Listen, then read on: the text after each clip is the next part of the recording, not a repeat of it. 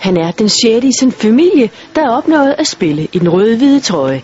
Den 18-årige Oliver Tykhusen. De andre i min familie, der har spillet på landshold, eller i den røde-hvide trøje, det er mine to kusiner, øh, og mine to onkler, og så min faster. Og landstræneren har store forventninger til Vejle-spilleren i dagens venskabslandskamp mod Makedonien. Han er utrolig hurtig, og øh, han er også en øh, teknisk øh, god spiller, så jeg tror på, at øh, han kan blive meget, meget vigtig aktiv for os.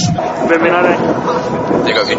Uh, mit fodboldtalent, det er måske lidt af det medfødt selvfølgelig, tror jeg. Det ligger selvfølgelig i generne. Uh, men meget af det er hårdt arbejde, altså det, man kommer ikke ret langt, hvis man ikke øh, selv vil det.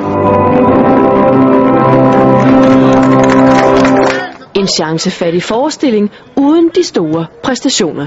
To hold, der fejtede intenst, men begge led under uopfindsomt og ufarligt angrebsspil. De danske drenge var kampen igennem mest i boldbesiddelse og momentvis flød pasningsspillet, men på banens sidste tredjedel manglede der gennemslagskraft og skarphed. På bundlinjen står et målløst opgør. Jeg synes ikke, vi rigtig er skarpe på den sidste tredjedel. Øh, vi får ikke lavet de rigtige løb, synes jeg, når vi skal få en rigtig chance. Vi, vi får ikke spillet til at fungere hurtigt nok, altså. Det går lidt for langsomt, synes jeg. Jeg synes, vi har bolden rigtig meget, men øh, vi må konstatere endnu en gang, at øh, det er ikke sådan, vi får skabt øh, de helt store chancer. Øh, skulle der være en vinder, så skulle det nok have været os.